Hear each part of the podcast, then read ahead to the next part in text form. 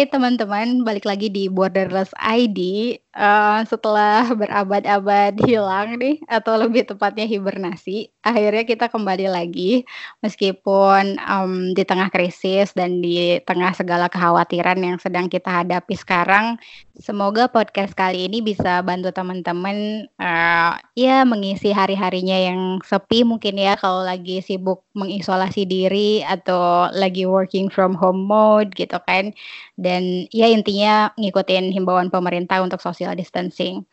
Um, hope this podcast would be um, a little bit of help gitu ya. Karena gue tahu uh, as an extroverted person juga gitu susah banget nih survive di hari-hari yang uh, sepi tanpa human interaction gitu ya. Tapi uh, ya yeah, let's hope that we can go through all of this um, very soon dan uh, semoga semuanya segera membaik juga dan aktivitasnya bisa kembali normal. Ya, uh, tanpa berpanjang-panjang untuk ngisi podcast Borderless episode ke-11 ini, gue udah ditemani seorang um, researcher. Can I define you that way, Kak? Ya, pokoknya uh, she is a PhD student uh, dari University of Edinburgh, School of Social and Political Science. Um, sebelumnya juga mengambil master di uh, Global Health and Public Policy University of Edinburgh. Um, dia adalah Kak Fiona. Jering jeng jeng nggak ada suara trompetnya gitu ya. Halo Kak. Halo. Ya, welcome to Borderless Podcast. Uh, Kak Fiona ini akan nemenin kita untuk ngobrol mengenai krisis yang um, sedang kita hadapi sekarang karena penyebaran uh, COVID-19 or known as coronavirus gitu ya. Uh, mungkin sebelum kita ngobrol-ngobrol nih Kak, Kak Fiona boleh cerita dikit nggak kesibukannya sekarang gimana? Terus uh, mungkin lebih spesifik riset Kak Fiona tuh banyak uh, seputar apa sih topiknya, banyak involve di um, pembahasan atau topik seperti apa gitu. Oke. Okay. Um, Oke, okay. uh, makasih Nisa. Jadi sekarang aku sedang PhD uh, jurusannya di Global Health Policy, uh, mm-hmm. seperti yang saya bilang di University of Edinburgh. Nah, riset aku sendiri itu lebih melihat ke uh, relationship between policy actors ya, uh, pihak-pihak uh, stakeholders yang terkait dalam menangani uh, sebuah program kesehatan masyarakat di Indonesia gitu. Dan aku ambil studi kasus neglected tropical disease gitu. Mm-hmm. Uh, Oke. Okay. Iya. Neglected tropical disease tuh contohnya kayak apa ya kak? Um, contohnya yang ada di Indonesia itu satu kusta, kemudian uh. Uh, kaki gajah, uh, mm -hmm. kemudian uh, sistosomiasis um, atau disebut juga dengan demam siput, kemudian mm -hmm. bisa juga uh, snake bite itu termasuk neglected disease loh. Oh oke. Okay. Yeah. Wow. Iya, yes. Yeah, interesting. Oke, okay, oke, okay, oke. Okay.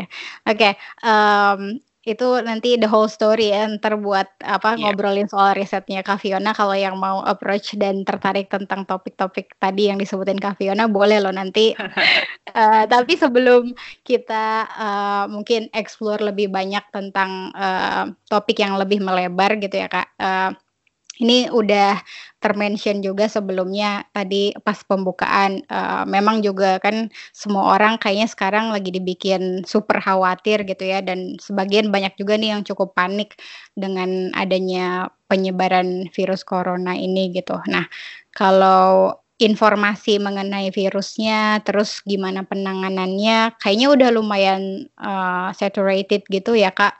Kalau menurut gue sih gitu. Uh, bahkan kayak sedikit overwhelmed sih, nggak tahu kadang yang mana yang benar, yang mana yang hoax gitu.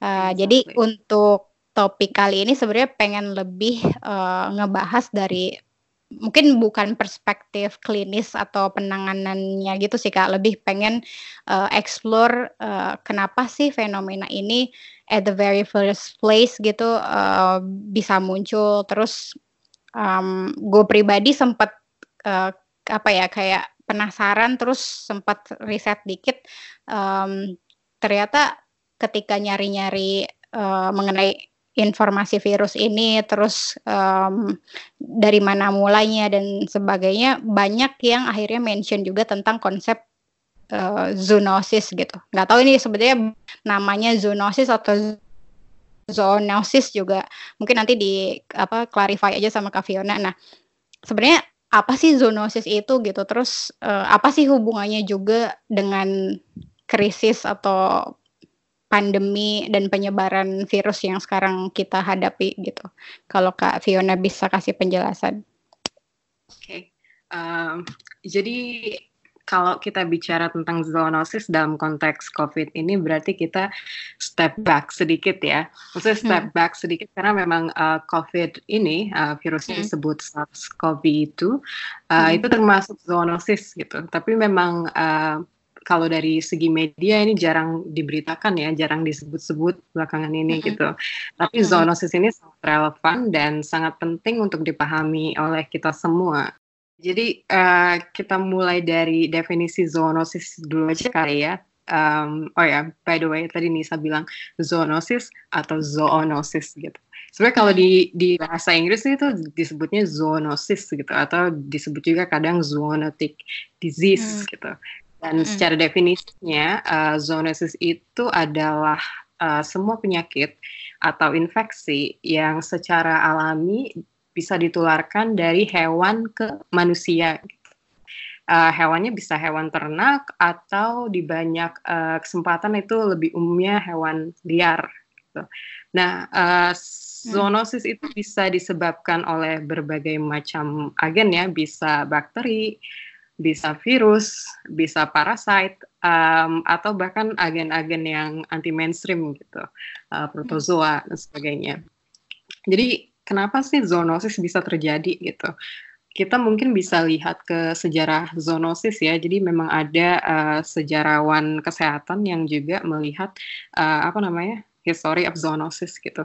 Jadi zoonosis ini diperkirakan sudah ada sudah eksis gitu ya ribuan tahun gitu ribuan tahun tapi epidemi atau outbreak atau pandemic zoonosis ini uh, diperkirakan baru terjadi sekitar 10.000 tahun yang lalu ketika ada revolusi agriculture gitu. Ketika leluhur kita mulai melakukan uh, bercocok tanam gitu. Dan sekitar 6.000 tahun yang lalu ketika ditemukan uh, alat-alat untuk memotong atau untuk berburu. Nah, itu mulai lebih banyak bermunculan uh, kasus-kasus zoonosis seperti itu. Terus di sini aku ada uh, disclaimer dulu ya yang bakal disebut uh, term yang bakal sering disebut itu patogen gitu. Jadi patogen itu anything that cause disease, uh, apa pun yang menyebabkan penyakit gitu bisa virus, bisa bakteri, bisa parasite gitu.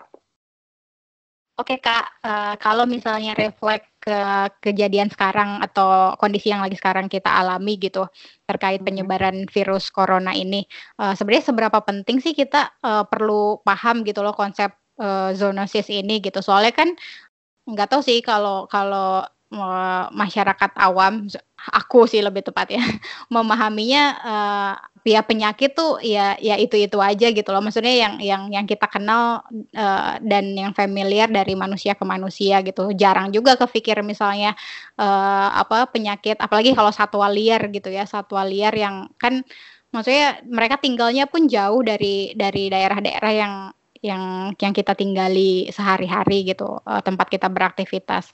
Nah sebenarnya seberapa penting sih kita ngerti konsep tadi misalnya ada potensi uh, penyebaran penyakit dari hewan ke manusia, terus gimana sih trennya selama ini dan kenapa juga bisa tiba-tiba bukan tiba-tiba sih, ya sebenarnya bisa dibilang tiba-tiba juga ya tiba-tiba ada kayak uh, pandemi sebesar ini gitu yang sampai bisa mengancam uh, apa public health uh, di level global bahkan gitu.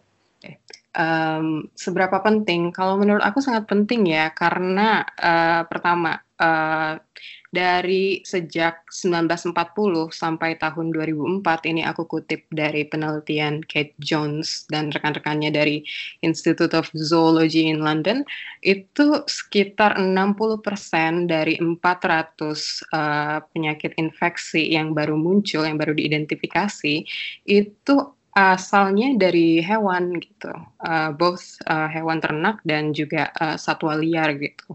Uh, okay. Dan um, dan 71% dari yang teridentifikasi ini memang lebih banyak uh, berawal dari satwa liar seperti itu. Kemudian hmm. uh, Nisa kan tadi bilang kenapa kok tiba-tiba ada hmm. pandemi. Sebenarnya memang karena gimana ya mereka ini kayak uh, virus-virus atau bakteri yang berpotensi jadi patogen penyebab penyakit dan berpotensi menjadi uh, pandemi ini mereka sebenarnya ada di sekitar kita gitu ada di dunia ini gitu tapi mereka hidup dengan damai di habitat masing-masing gitu nah okay. uh, tapi uh, kemudian dengan perubahan ekologi perubahan pembangunan dengan um, hmm. uh, human behavior juga gitu.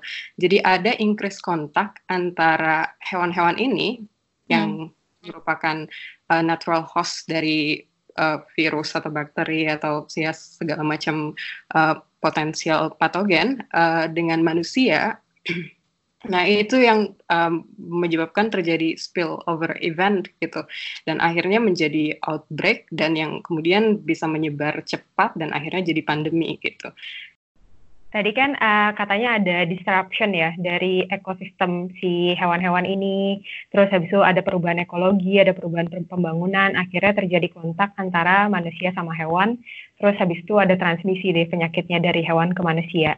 Nah sebenarnya dari tahun 1940 sampai 2004 ini trennya seperti apa sih kak penyebarannya? Kok bisa-bisa sampai ke manusia gitu? Terus uh, kira-kira gimana perkembangannya sampai akhirnya sampai sekarang tuh kita bisa nyebut ini sebagai pandemi gitu.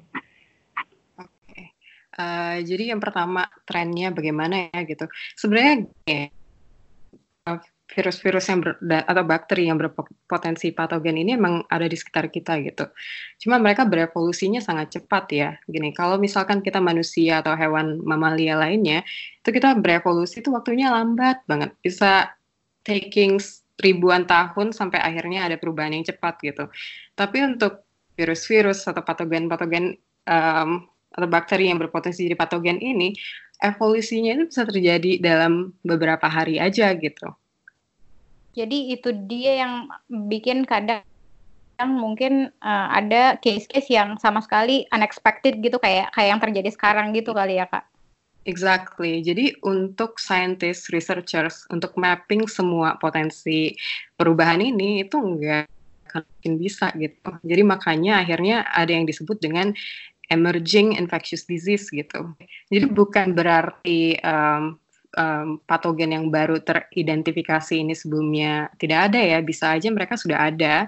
Cuma karena belum ada kontak antara hewan yang menjadi host dengan manusia, um, akhirnya belum ketahuan seperti itu. Dan ini sangat susah diprediksi gitu. Jadi ketika ada laporan dari sebuah negara bahwa ada sebuah patogen baru yang diidentifikasi gitu, ini uh, semua harus siap, harus was-was gitu. Oke, okay. nah uh, uh, aku mau respon nih kak yang tadi kakak bilang kalau sebetulnya kan um, bukan berarti potensinya tidak ada, tapi permasalahannya adalah um, sulit akhirnya untuk bisa memprediksi gitu ya. Nah, Betul. terus kalau misalnya dengan kondisi kayak gitu, sebenarnya kuncinya apa sih yang harus kita perhatikan? Maksudnya dengan kondisi bahwa ya yang bisa dilakukan hanyalah misalnya mapping potensi kan, yang sebenarnya juga ada hal-hal yang mungkin ya sangat unpredictable, apalagi dengan segala faktor lah climate change juga gitu kan, mungkin tiba-tiba berubah lah suhu segala macam gitu. Jadi kalau yang yang yang masih controllable yang bisa kita lakukan uh, untuk menghadapi uh, fenomena semacam ini gitu, uh, terjadi uh, berulang setidaknya untuk hal-hal uh, yang yang yang mirip lah gitu, nggak nggak harus sama ya. Mungkin kalau sama kan susah gitu kan. Tadi karena banyak banyak uh, unpredictable factorsnya juga gitu. Uh, kuncinya apa sih kak? Sebenarnya harus diperhatikan ketika kita um, menghadapi fenomena fenomena semacam ini terutama ketika udah mulai muncul tuh uh, virus yang uh, apa sama sekali sebelumnya unidentified gitu. Oke, okay. jadi uh, gini, we know uh, pandemic atau outbreak dari uh, patogen uh, baik itu dari virus atau dari bakteri atau anything itu yang baru itu akan muncul gitu. But we don't know when. Jadi yang kuncinya ya kita harus ready gitu. Jadi harus ada preparedness dari uh, uh, pihak otoritas gitu. Jadi emang harus investasi di uh, uh, health system strengthening pertama untuk uh, identifikasi patogen baru. Jadi harus ada surveillance yang rutin untuk identifikasi apakah ada kasus-kasus yang ditimbulkan dari patogen baru seperti itu. Kemudian uh, harus ada invest uh, investment juga ketika uh, ada outbreak gitu. Nah, itu harus kuat untuk containment measure gitu. Nah, containment itu bagaimana caranya? Satu bisa dengan cara karantina atau testing gitu. Tapi ini gue sebenarnya uh, penasaran sih, mungkin kalau misalnya sekarang kan kita ngomongin dari tadi pandemik, pandemik, pandemi itu uh, sebenarnya boleh diperjelas dulu nggak sih kak? Mungkin netizen juga kan banyak juga yang udah tahu dari sosial media tentang pandemi, epidemi dan lain sebagainya. Tapi mungkin banyak juga yang belum tahu tentang hal ini. Dikasih gambaran sedikit dong kak, uh, pandemi, epidemi dan lain-lain itu maksudnya gimana sih kak? Oke, okay. uh, jadi sebenarnya gini, pandemi itu adalah istilah yang digunakan ketika uh, sebuah penyebaran penyakit itu uh, levelnya udah worldwide gitu, udah ada di beberapa benua uh, seperti COVID yang terjadi sekarang ini udah lebih dari 100 negara ya yang reporting ada confirmed cases gitu. Nah, jadi uh, kalau misalkan udah levelnya pandemi itu berarti dari WHO yang memutuskan uh, sebuah uh, status pandemi itu itu udah melihat bahwa uh, outbreak ini berpotensi uh, bahaya untuk uh, uh, ekonomi ya dan juga uh, kesehatan masyarakat global tentunya gitu. Oke, okay, aku mau nyambung kak dari situ. Artinya kalau misalnya kita mau bicara tentang bagaimana caranya melakukan uh, prevention atau langkah-langkah apa yang perlu diambil untuk mencegah pandemi seperti ini, kak. Artinya apakah preparedness ini harus dilakukan oleh otoritas di tingkat yang memang global atau di tingkat nasional juga kayak gimana atau bahkan mungkin lebih lebih ke lokal lagi atau gimana kak? Maksudnya yang harus mengambil uh, kebijakan untuk melakukan prevention ini tuh siapa gitu kak? Oke, okay. eh, yang jelas ini dari pemerintah ya. Uh, dan pemerintahnya ini juga harus berkolaborasi uh, antar negara gitu. Jadi ini emang harus di setiap level. Kenapa harus di setiap level dari yang atas sampai yang ke bawah gitu? Karena sebuah virus atau sebuah uh, bakteri gitu, infectious disease lah intinya ya. They don't hmm. know borders gitu. Mereka nggak kenal borders gitu. Uh, right penyakit bisa dari satu tempat seperti COVID ini mulainya di Wuhan, sekarang udah di ratusan negara gitu ya. Jadi at the global level memang harus ada uh, kerjasama yang kuat antar negara gitu untuk uh, preparedness sebuah pandemik gitu. Dan kemudian tentunya uh, di level nasional itu juga sangat penting gitu ya. Karena untuk urusan pandemi gitu levelnya yang skalanya segini besar gitu itu harus ada uh, coordinated effort gitu. Dan itu butuh leadership gitu. makanya uh, political will dari national level itu juga sangat penting gitu ya. Bukan cuma saat merespon ketika outbreaknya terjadi tapi juga uh, preparation ya untuk preparedness kita kalau akan kejadian lagi nantinya. Karena it will happen eventually and we don't know when. Jadi kita harus ready gitu collective efforts ini tentunya nggak bisa cuma rely dari sektor kesehatan ya. Karena seperti kita tahu tadi uh, aku bilang tentang uh, pembukaan lahan kemudian ada interest ekonomi eh, kita bisa lihat bahwa uh, apa ya faktor-faktor yang mempengaruhi terjadinya COVID ini atau mungkin potensial uh, pandemik di masa mendatang itu dipengaruhi oleh berbagai sektor gitu.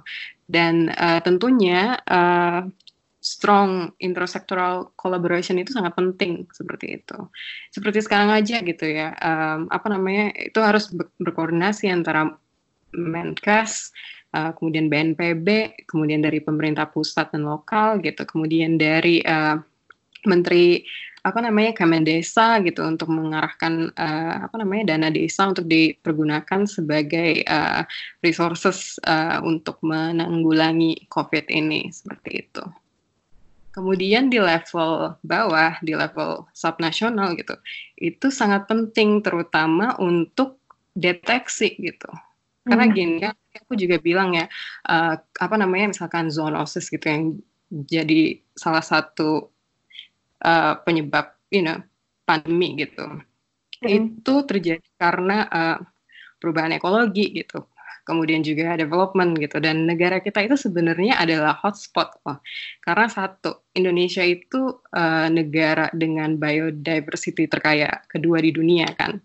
Benar. Yang kedua uh, dari segi development kita lagi heboh pembangunan ya dan juga ada pembukaan lahan kan.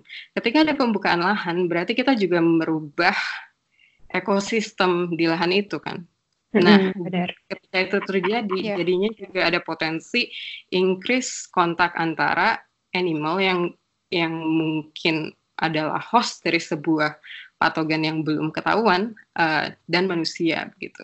Kemudian yang ketiga juga dari segi budaya gitu. Ada beberapa uh, komunitas kita yang memang mengkonsumsi hewan-hewan eksotis gitu ya. Dan uh, dari sejarah-sejarah uh, dari kalau kita lihat dari pandemi yang sebelumnya terjadi gitu misalkan dari uh, Ebola misalkan atau dari SARS itu disebabkan oleh makanan. Jadi aku cerita misalkan Ebola gitu. Itu terjadi ketika uh, sebuah komunitas di West hmm. Africa um, um, mengkonsumsi gorila yang ternyata terinfeksi virus Ebola gitu. Nah, hmm. Nah, akhirnya terjadi uh, infeksi dari gorila tersebut ke manusia gitu. Kemudian uh, SARS gitu uh, tahun 2001 itu juga dari makanan ya di Guangdong Cina. Gitu. Karena salah satu yang pertama terinfeksi adalah chef um, dan SARS ini sendiri awalnya dari kelelawar loncat ke musang dan kemudian ke manusia gitu. Tapi kak kalau misalnya ini aku curiosity aja sih. Uh, sebenarnya kalau misalnya tadi kita lihat dari um, perubahan ekosistem atau perubahan bentang lahan, misalnya dari awalnya hutan gitu, terus terbuka dipakailah buat ini itu, akhirnya mungkin akan semakin banyak permukiman. Itu kan um, memperbesar adanya kontak antara manusia dan hewan ya kak. Sampai sejauh ini ada nggak sih kak uh, disease yang memang um, disebabkannya karena ya kontak manusia sama hewan-hewan yang ada di dalam wilayah yang maksudnya kayak masih masih apa ya masih alami gitu kak. Kalau dari tadi kan SARS, Ebola itu kan karena makanan. Tapi kalau yang karena kontak benar-benar dibukanya lahan ada nggak kak? Hmm, aku sendiri uh, jujur nggak tahu ya tentang ini, tapi aku nggak surprise kalau ada gitu. Kak, kalau misalnya kayak malaria gitu, itu termasuk infectious disease nggak sih? Maksudnya tadi soalnya Adel kan bahas soal apa pembukaan lahan, terus nanti uh, apa bisa muncul penyakit gitu. Aku keinget aja dulu aku pernah riset terus um, nyari kan keterkaitan antara pembukaan lahan terus sama apa kemunculan penyakit dari nyamuk dan lain-lain kayak gitu. Uh, kalau malaria bukan termasuk infectious disease ya? Oh, malaria infectious disease. Uh, cuma uh, dia dikonsider sebagai vector borne ya. Jadi hmm. penyebarannya itu di, di dibantu oleh nyamuk gitu kan. Tapi uh, bukan zoonosis. Oh, oke, okay, oke, okay, got it. Um, kita jadi, uh, yang tapi yang ini, yang tadi noticeable adalah uh, apa katanya tadi uh, penyebaran virus itu tidak mengenal border alias borderless. Jadi yang yang borderless bukan cuma podcast. Gak penting, gak penting. Iya, iya. kalian promosi uh, gitu, hashtag promosi. Iya. ya, biar biar nggak ini banget lah ya, biar ada bridgingnya gitu, uh, promo tapi smooth transition ya kan. Uh, Oke, okay, iya, lanjut nih kak. Uh, Oke.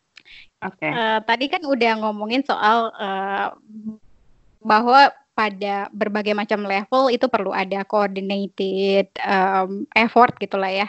Nah, ya. terus kalau misalnya udah terjadi nih Kak kayak sekarang nih udah udah pandemi gitu.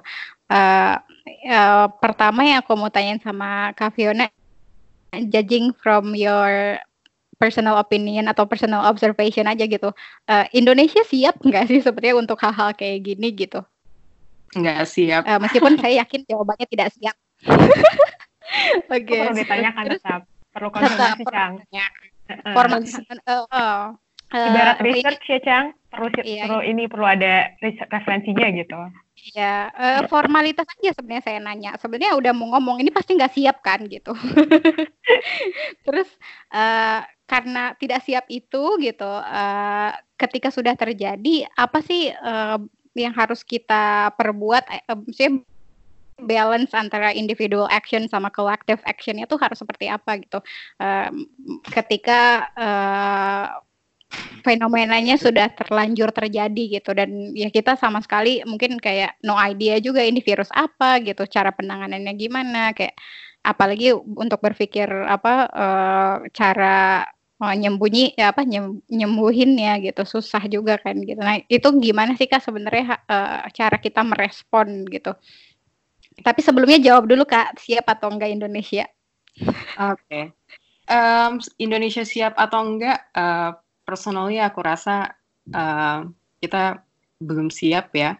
Tapi uh, bukan cuma case Indonesia aja gitu, hampir nggak ada negara di dunia yang fully ready gitu. Karena gini, ketika ada satu patogen yang baru teridentifikasi, itu kita sangat uncertain ya, kita nggak tahu how infectious it is, how mm -hmm. severe the infection can be, cara transmisinya kadang juga belum tahu ya uh, apa bagaimana gitu. Misalkan untuk kasus COVID ini gitu uh, yang jelas kita tahu itu transmisinya via uh, droplets gitu tapi ada juga yang uh, apa namanya evidence emerging walaupun belum uh, concluded ya belum disimpulkan itu bisa lewat uh, apa namanya uh, feses gitu nah uh, dan setiap patogen yang baru teridentifikasi itu beda-beda gitu kan. Misalkan Zika virus gitu. Itu juga zoonosis dan transmisinya melalui uh, seksual uh, ya trans tra seksuali gitu. Jadi uh, sangat uncertain, sangat beda-beda yang harus dilakukan akhirnya adalah uh, agresif containment ketika sudah terjadi uh, penyebaran yang luas seperti ini ya. Nah, apa yang dimaksud dengan uh, aggressive containment itu uh, gimana caranya kita bisa menyetop penyebaran ini sebisa mungkin gitu. Itu bisa dilakukan dengan apa yang kita lakukan sekarang.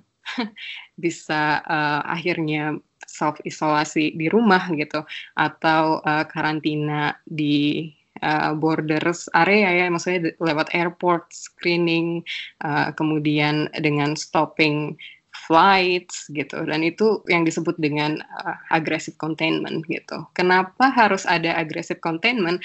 Karena lagi-lagi high uncertainty kita belum tahu bagaimana cara mengobatinya gitu.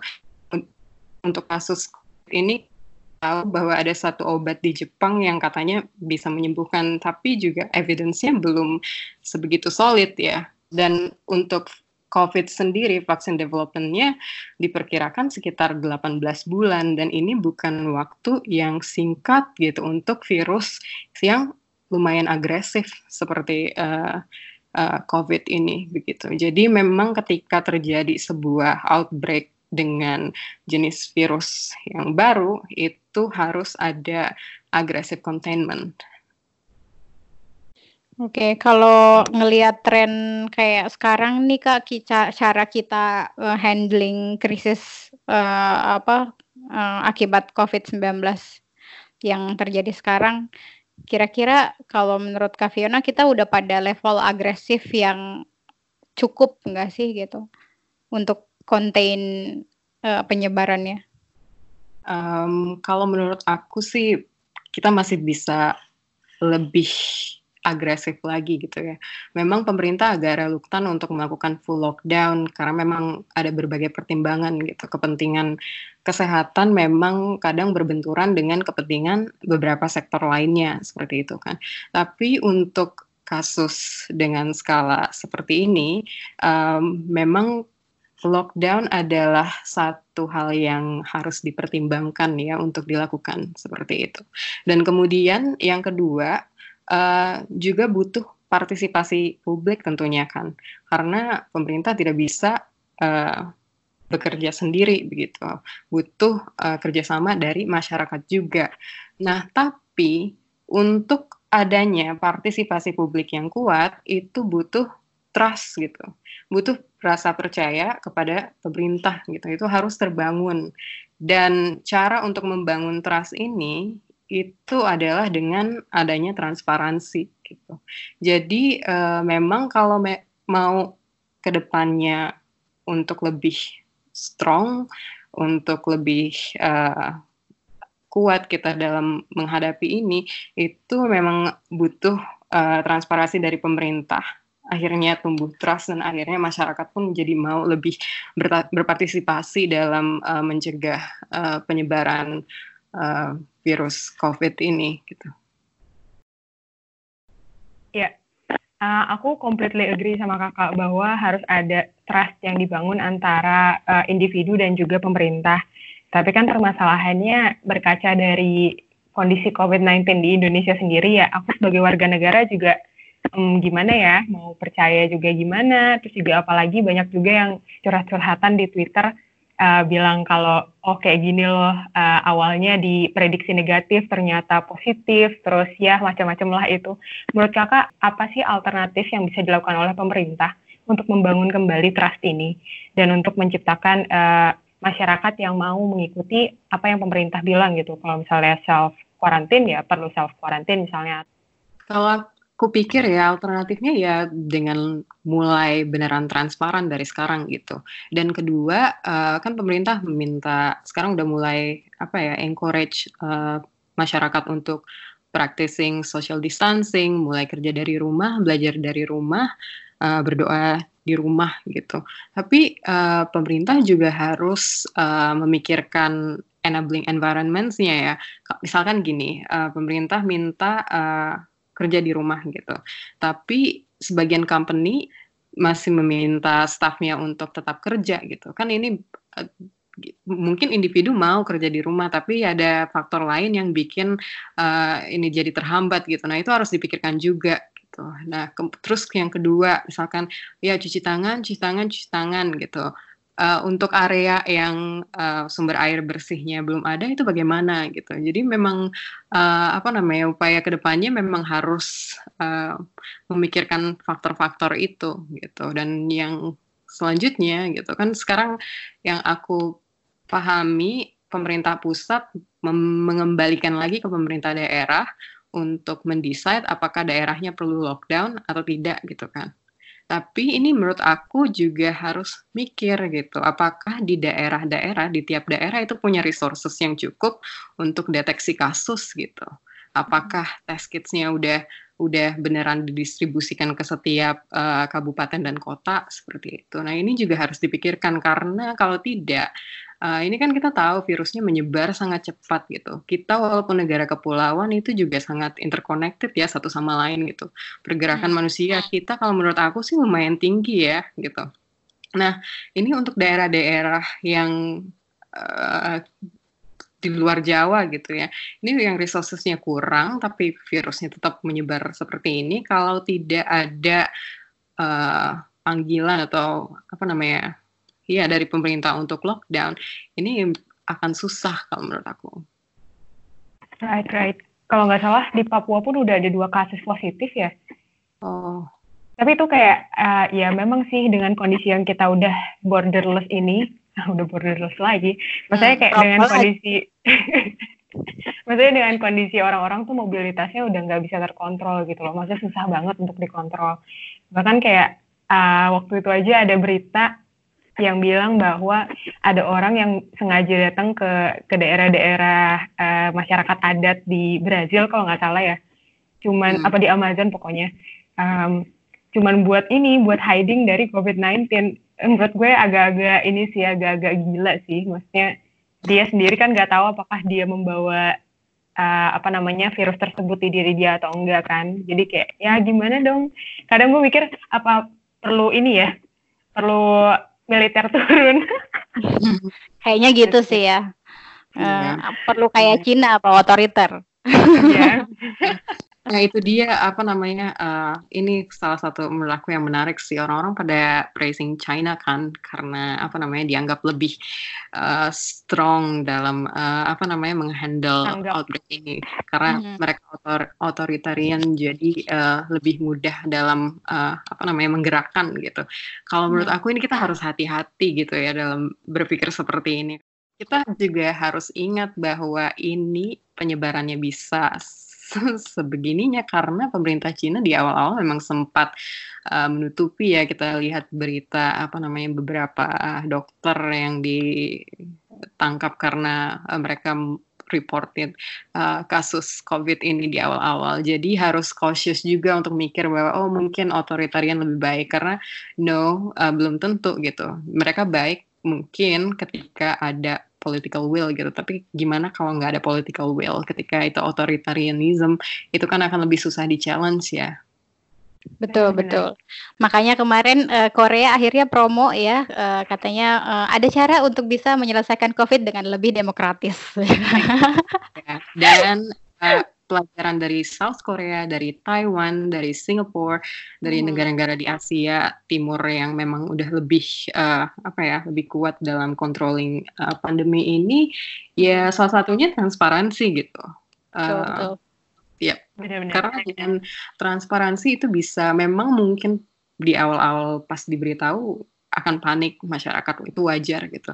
Tapi dengan adanya transparansi orang akan beradaptasi dan kemudian juga akan lebih aware gitu.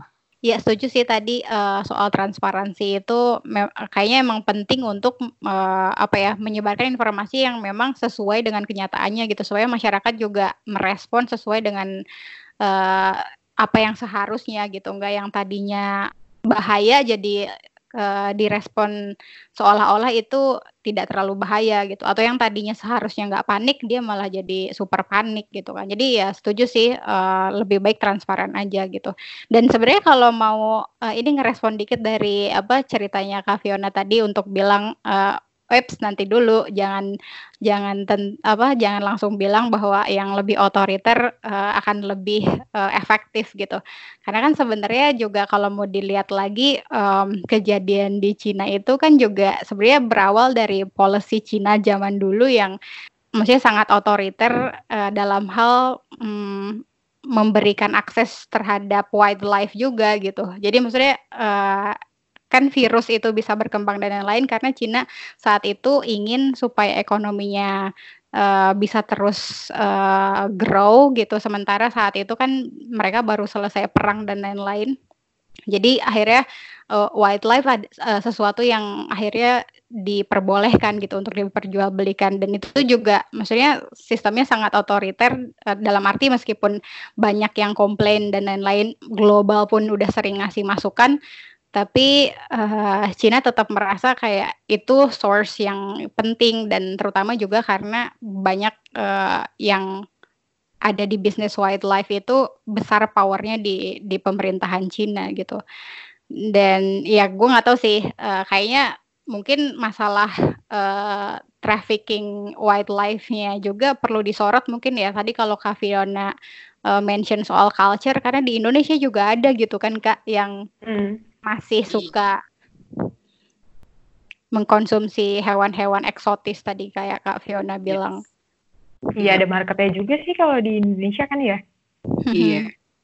Kalau ini ya berkaitan dengan apa namanya uh, untuk yang konsumsi hewan-hewan eksotis gitu untuk uh, sebagai makanan gitu ya itu kita harus sensitif juga ya apalagi uh, Eh, memang kita tahu bahwa konsumsi hewan-hewan satwa liar seperti itu bisa berpotensi untuk jadi spillover event yang akhirnya jadi outbreak dan kemudian bisa jadi potensi pandemi gitu. Uh, cuma kita harus hati hati-hati ya dalam uh, approaching ini gitu. Kalau kita lihat dari riset yang ada di West Africa, pelajaran dari Ebola itu, itu uh, apa namanya? Ketika approaching uh, hewan eksotis itu kan karena bagian dari identity juga ya dan budaya gitu.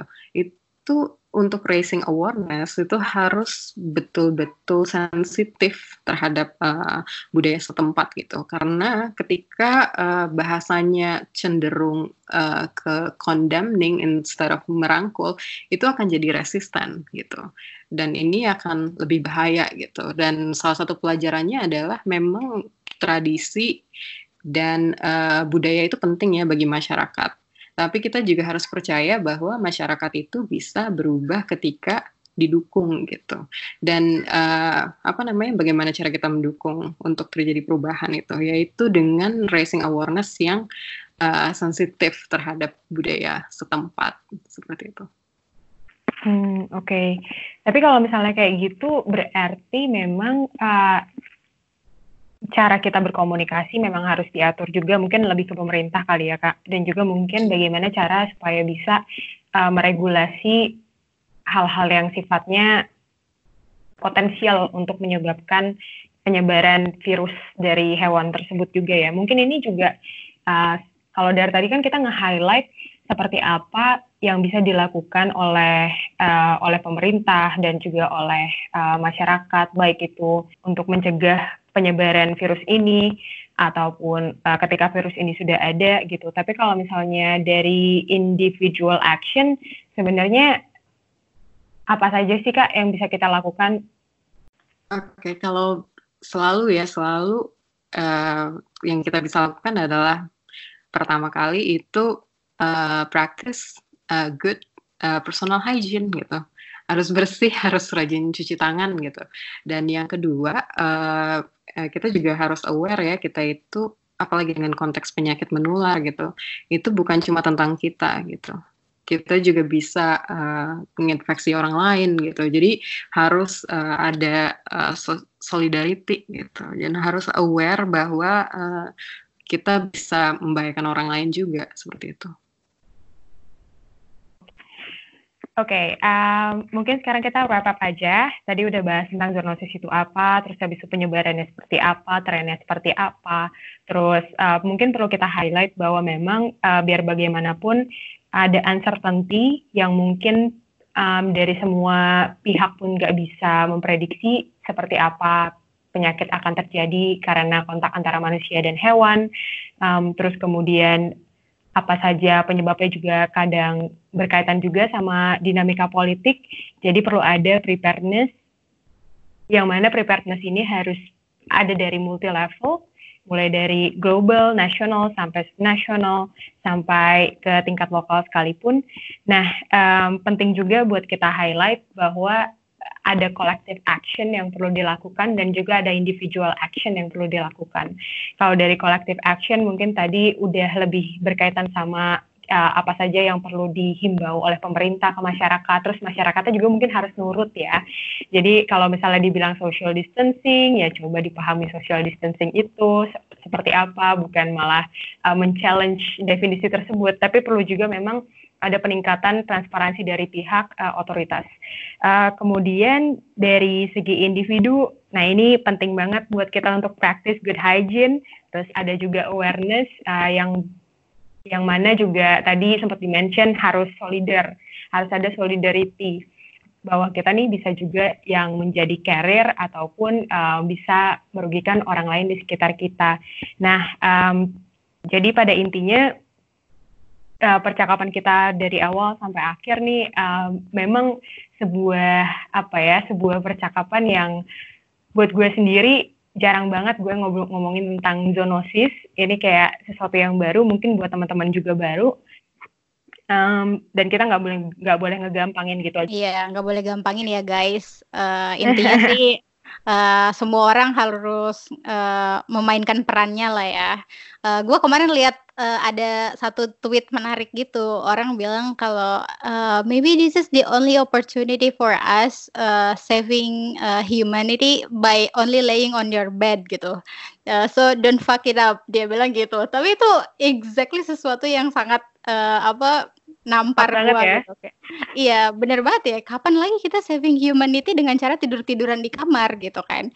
Jadi ya guys tolong dipakai kesempatannya untuk menjadi hero uh, mungkin satu kali dalam seumur hidup. Jadi buat semua Bener. pendengar borderless, stay safe, uh, don't forget taking care of each other gitu ya. Uh, kurangi interaksi di luar kalau nggak perlu, hashtag di rumah aja.